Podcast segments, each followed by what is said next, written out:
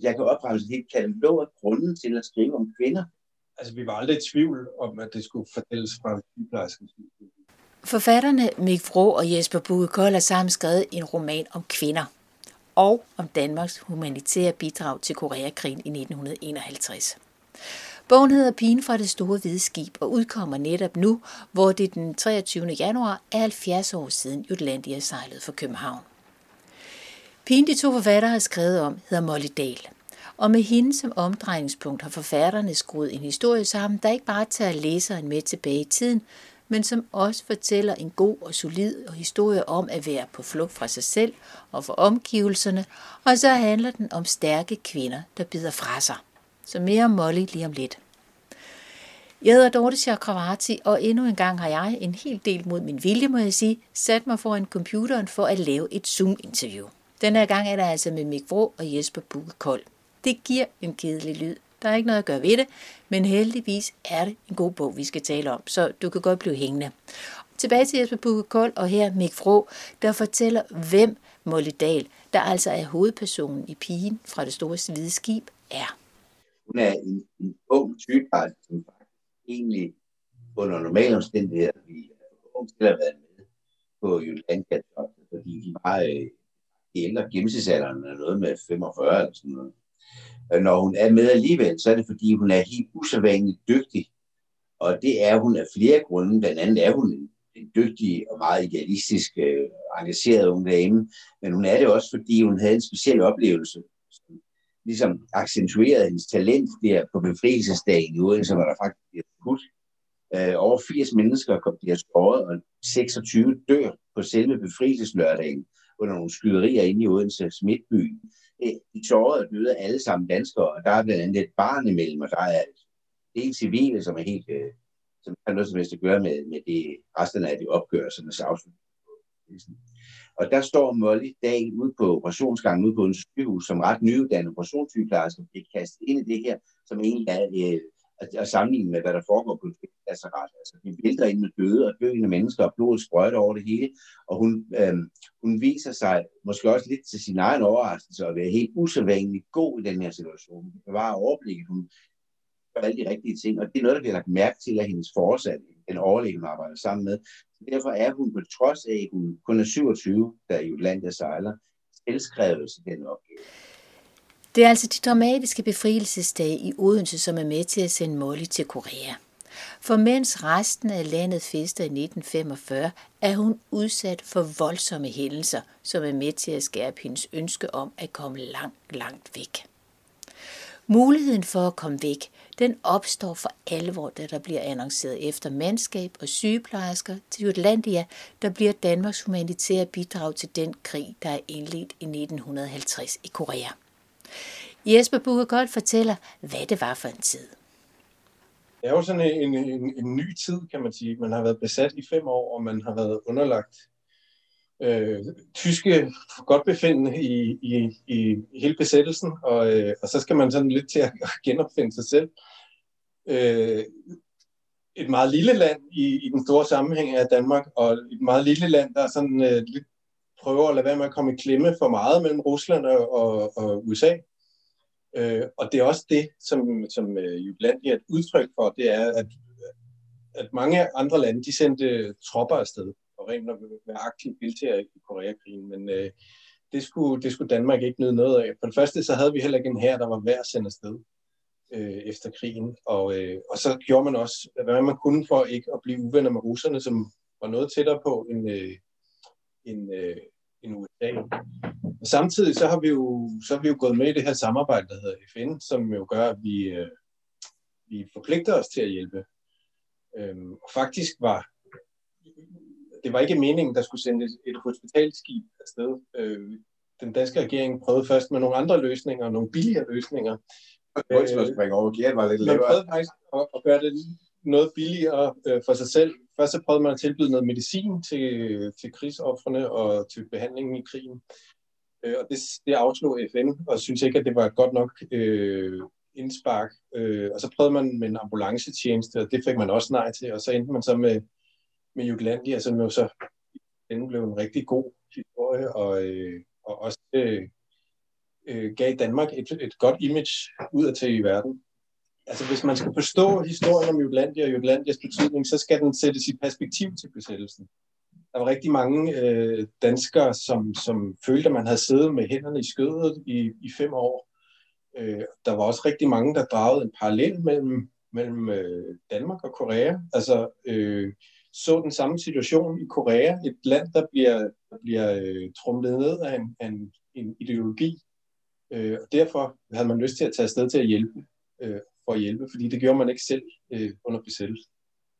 Altså man kan ikke, man kan ikke forstå Jutlandias historie uden at, at gå, gå nogle flere år tilbage fra, fra 51. Øhm, og der var også rigtig mange af dem, der var ombord, som havde haft øh, roller i, i modstandsbevægelsen og den slags. Altså, på en eller anden måde havde, havde prøvet at tage aktiv del, og, øh, og nu var der så en, endnu en, en krig, der skulle kæmpes.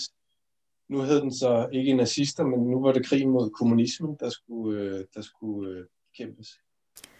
Med det litterære greb at lade historien begynde med befrielsesdagene i 1945, så får forfatterne sat besættelsestiden og dens menneskelige og politiske men i spil og skabt afsættet for, hvorfor Danmark vælger at bidrage med hospitalskibet, og hvorfor den unge Molly Dahl meget gerne vil afsted som en af de første sygeplejersker på Jutlandia.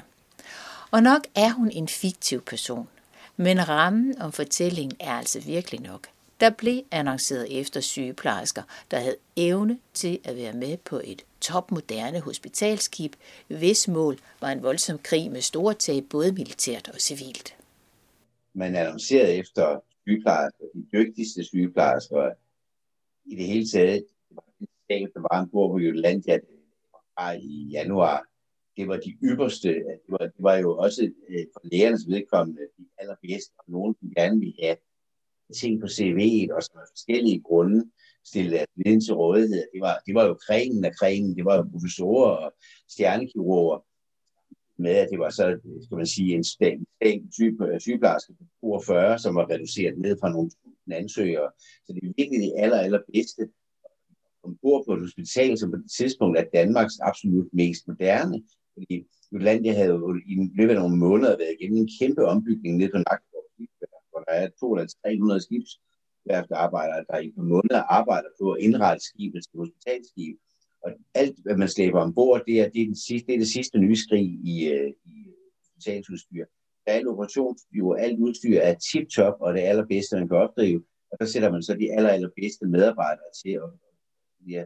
Så det er et, øh, Helene, det er jo ret imponerende at sætte op faktisk, at øh, i, i, i nogle dage har vi det bedste, det bedste hospital i Danmark, der ligger til kaj over i, i København, og så sejler det, og så har vi så kun det næstbedste tilbage, ikke?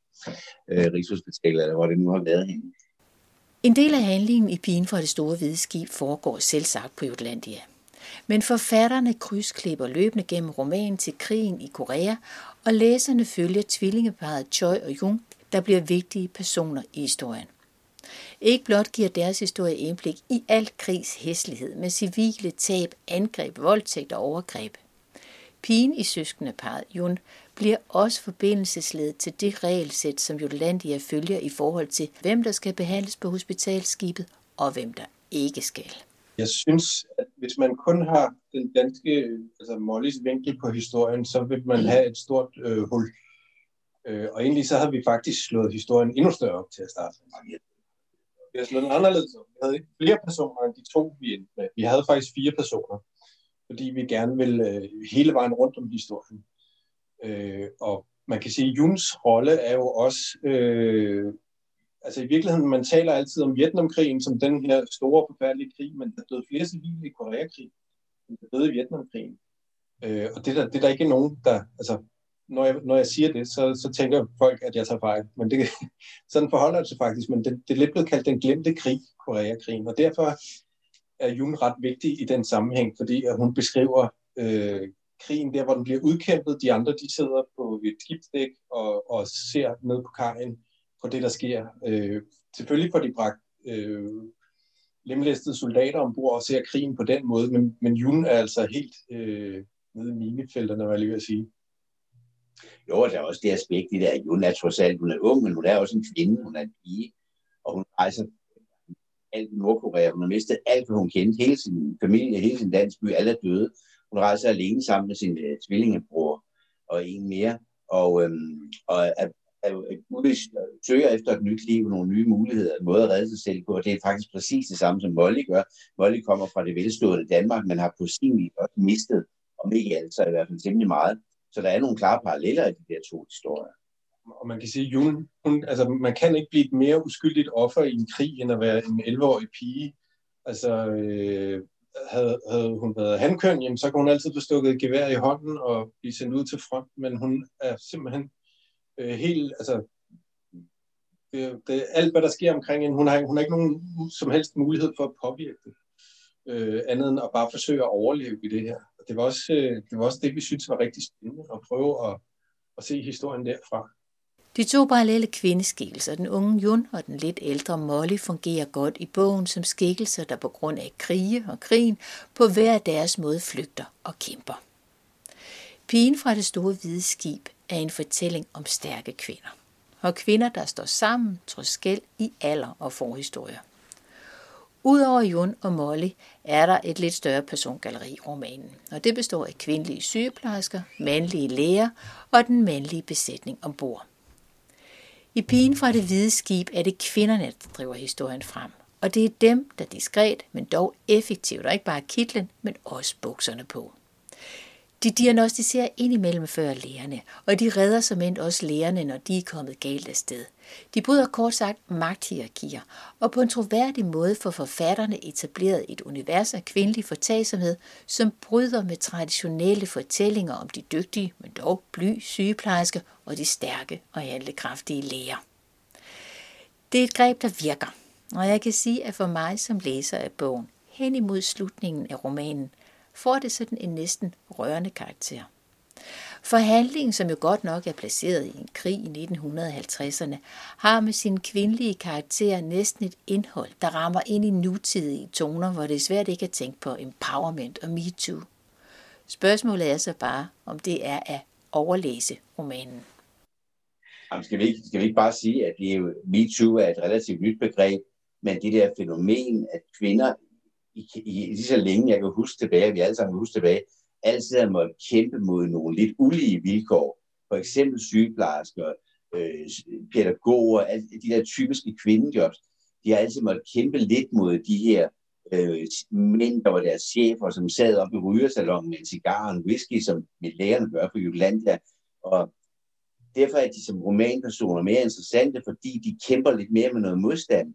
Og vi vil jo gerne have, personerne i en roman har noget at kæmpe med. Man kunne godt skrive i Jolanda-historien, set fra lægernes synspunkter, så har vi fået overlæge Kær og hvad de hedder, der sidder oppe i rygesalongen, og som også er dygtige læger bevares, men som når de har fri, typisk søger hinandens fællesskab, sådan en maskulin fællesskab. Det er altså et eller andet sted ikke så udfordrende at være den sygeplejerske, der både skal slås med sit arbejde, og skal være der, når patienterne vågner op, og skal vejlede dem og trøste dem, når de vågner op og har mistet to ben, har nogle helt andre udfordringer, meget mere jordnært, og som jo ikke fik nær den samme belønning for det. Så jeg synes, jeg kan opremse et helt katalog af grunden til at skrive om kvinder, og øhm, det, det ligger fuldstændig naturligt for os. Jeg ved ikke, om, vi, om det er på det bevidste plan, men det er helt oplagt for os, at Jona er en pige, og som Jesper siger, ikke risikerer at få stukket et gevær i hånden, men tværtimod risikerer at blive udnyttet eller misbrugt eller voldtaget som kvinder i situationer. Og det er også helt naturligt, at Molly med det, hun har i bagagen fra befrielsesdagen, jo ikke kunne være en mand. Så det er øh, bare sådan, det er. Så det er en historie om, om, om nogle kvinder, der rejser til Korea, eller rejser i Korea. Altså, vi var aldrig i tvivl om, at det skulle fortælles fra sygeplejerskens Hvis vi gik op på, på lægegangen, så ville det blive en helt anden historie, og langt mere distanceret i forhold til krigen. Øh, altså, vi prøver ikke at nedgøre lægernes indsats overhovedet, men, men, men sygeplejerskerne, som du siger, var der hele tiden. De var der, når der blev taget imod patienten. De var der på opvågningsstuen. De var der hele tiden. Altså, de var hele tiden sammen med patienten. Og den belønning, de fik, øh, stod ikke mål med, med den indsats, de gjorde. Mik og Jesper Bugekold giver ikke blot læserne en god historie om krig og kærlighed. De giver også læseren lidt at tykke i, eller i hvert fald at reflektere over sammen med hovedpersonen Molly – for ved Jutlandias ankomst til Korea begynder hun at tænke over det der med at være deltager i en krig. godt nok som humanitært bidrag, men dog deltager og på den måde have valgt side. Det går jo op for hende, at, øh, at det ikke er så enkelt. Øh, hun sejler, de tager jo sted, og de ved godt, at det er et FN-arrangement, øh, og, det er, og det er også Røde Kors, og det er også den danske stat. Men, men det går pludselig op for Molly, da, da, da, da den, den, den koreanske præsident, øh, Sydkoreas præsident, kommer ombord over i Busan, og de begynder på de her flormundne taler om at stå sammen mod den fælles fjende, kommunismen, og der går det op for hende, at hun også er en brik i et politisk spil. Det passer hende rigtig, rigtig dårligt. Og det viser sig jo, at det også, også i virkeligheden også passede Røde Kors ret dårligt. Røde Kors ville jo gerne yde en humanitær indsats, og man kan vel i grunden ikke sige, at det der med at tage over og kun måtte arbejde med nogle soldater på den ene side i en krig, det er vel i grunden ikke en humanitær indsats, det er vel nærmest en krigsindsats.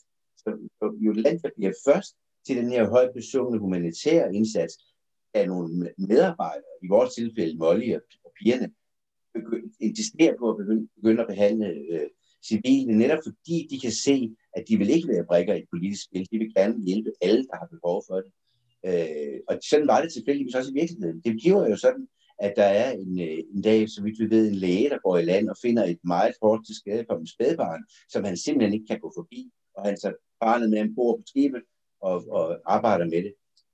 Fra den dag af får de ligesom lov at behandle civile, og det er et kæmpe vendepunkt, fordi vi talte om for lidt siden, hvis Jolandas personale ikke havde gjort, og ikke havde stat hælene i, og, og Jolanda var vendt hjem efter tre togter, og kun havde den handlet soldater med krigsskader, ikke havde siddet her i dag, og Jolanda var ikke blevet det symbol, som, som skibet faktisk blev. Det er et meget afgørende øjeblik. Det er der, hvor vi siger, at vi vil altså ikke kun være krigsførende, vi vil også øh, vi vil øge den humanitære indsats, som der hele tiden blev kæftet op om. Der er, også, der er også en kæmpe selvmodsigelse i, at man kan sejle ud under både FN's flag og Røde Korsets flag. Altså, og man kan samtidig have, øh, have aflagt et, et, øh, et, et, et lægeløfte om, at man vil hjælpe alle, der er, har behov for det. Øhm, så, så man kan sige, at det der FN-flag, det kommer heldigvis til at hænge under Røde Korsflaget på et tidspunkt, men, men sådan er det jo ikke i starten overhovedet. Altså, øh, man kan jo godt forstå dem, at de har taget det her læge og de vil hjælpe folk, der har brug for det, og så kan de stå på kajen i Busan og kigge ned på, på en, en, en øh, humanitær katastrofe, øh, som ikke har noget som helst med soldaterne at gøre, men, men som hele befolkningen, der tilfældigvis boede i det land, hvor der var krig. Og så er vi ved at være der, hvor jeg normalt ville spørge, hvordan gik det så med pigen, Jon? Og hvordan gik det med Molly, pigen fra det store hvide skib? Nu det er jo en roman, der er dagens emne, så alt det, det bliver du selv nødt til at læse dig til. Men Mik Vrå og Jesper Bugekold, der er med på den her lumske computer, som godt kan lide at forvrænge lyden, øh, de skal nok ikke have lov til at slippe sådan helt nemt. For normalt skriver de begge to romaner, historiske romaner, men de gør det altså hver for sig. Nu er de skrevet sammen, og de har skrevet om Koreakrigen, som jo er en krig, de færreste ved særlig meget om, eller kan huske en sige. Hvorfor har de gjort det, og skal de i øvrigt skrive mere sammen? Man, man må sige, at vi vidste jo i virkeligheden nok lige så lidt som alle andre danskere om det. Altså, eller mindre. Eller mindre. Vi vidste, vi vidste, vi vidste det var en, en rigtig god historie. Uh, vi var ikke helt klar over, hvorfor. Uh, og vi vidste, at det havde noget med Koreakrigen at gøre. Og, uh, og alle sygeplejerskerne var 16. Ja, alle sygeplejerskerne var 16 år. Uh, men det, der kom bag på os, da vi, da vi sådan, eller da historien begyndte at, at vokse lidt, det var, at der aldrig var skrevet en roman om det. Og det er jo en fantastisk historie. Den rummer jo alt det, man som forfatter går og, og, og sukker efter og får lov at skrive om. Øh, så da vi først, altså vi har længe haft en kaffeklub, som, øh, hvor vi har siddet og, og snakket om vores, vores øh, forfatterskab og hvad vi havde gang i og sådan noget. Og så, da den her idé kom på bordet, var det ikke fordi vi skulle skrive den sammen. Det var bare... Øh, ja, jeg har det igen. Ja, Mik han hoppede med på den. Øh, jeg, jeg fortalte, jeg havde fået den her idé til at skrive en roman om Jutlandia, fordi jeg synes, det var sådan en fantastisk historie. Og så sagde Mik, at i sjov til at starte med, at det kunne vi da skrive sammen. Og så tog jeg ham på ordet, øh, og synes jo, det var en rigtig god idé at skrive den sammen. Og øh, det har også været meget, meget lærerigt og, og fedt at prøve at arbejde sammen. Og jeg har ikke prøvet at arbejde sammen med nogen før. Øhm, og det tænker jeg, der kun har gjort romanen meget bedre, og vi har, vi har meget hurtigt kunne finde ud af, hvad vi skulle med den her roman. Det skulle være en sygeplejerske, der havde øh, den primære hovedrolle og sådan. Så, så fra at gå med et soloprojekt, som det jo er at være forfatter, et meget ensomt projekt nogle gange, med en idé, der går og koger op i hovedet, så har vi meget hurtigt kunne snakke om, hvad det var, vi skulle med den her bog. Jeg tror, at når man har været igennem sådan et, et, et ægteskab som det her, det har været meget rigtig lang tid, så tror jeg, at øh, det, har været, det har faktisk været forbavsende uproblematisk. Men jeg tror også, man trænger til ligesom at, at kunne genvende tilbage til den der ensomhed, som egentlig var det, vi fra. Det, er sådan, det skal man også have lov til. Hvad der ligger og venter ude i fremtiden er gode idéer, og man skal lave dem, man skal være mere end en om at skrive dem. Er det ikke rigtigt? Jo, enig. Det var Mik Vrå og Jesper Bukkekold, der her sluttede af i enighed. De to er forfattere til romanen Pigen fra det store hvide skib, som udkommer netop nu. Faktisk den 23. januar, som er 70-årsdagen for Jutlandias afsejling fra København. Jeg hedder Dorte Chakravarti, og normalt er det meget, der tilrettelægger og producerer de her podcast. Det har jeg også gjort den her gang. Men jeg var aldrig kommet i mål, hvis ikke Mik og Jesper havde været meget tålmodige og hjælpsomme med de tekniske udfordringer. Stor tak til dem, og stor tak til dig, der lyttede med.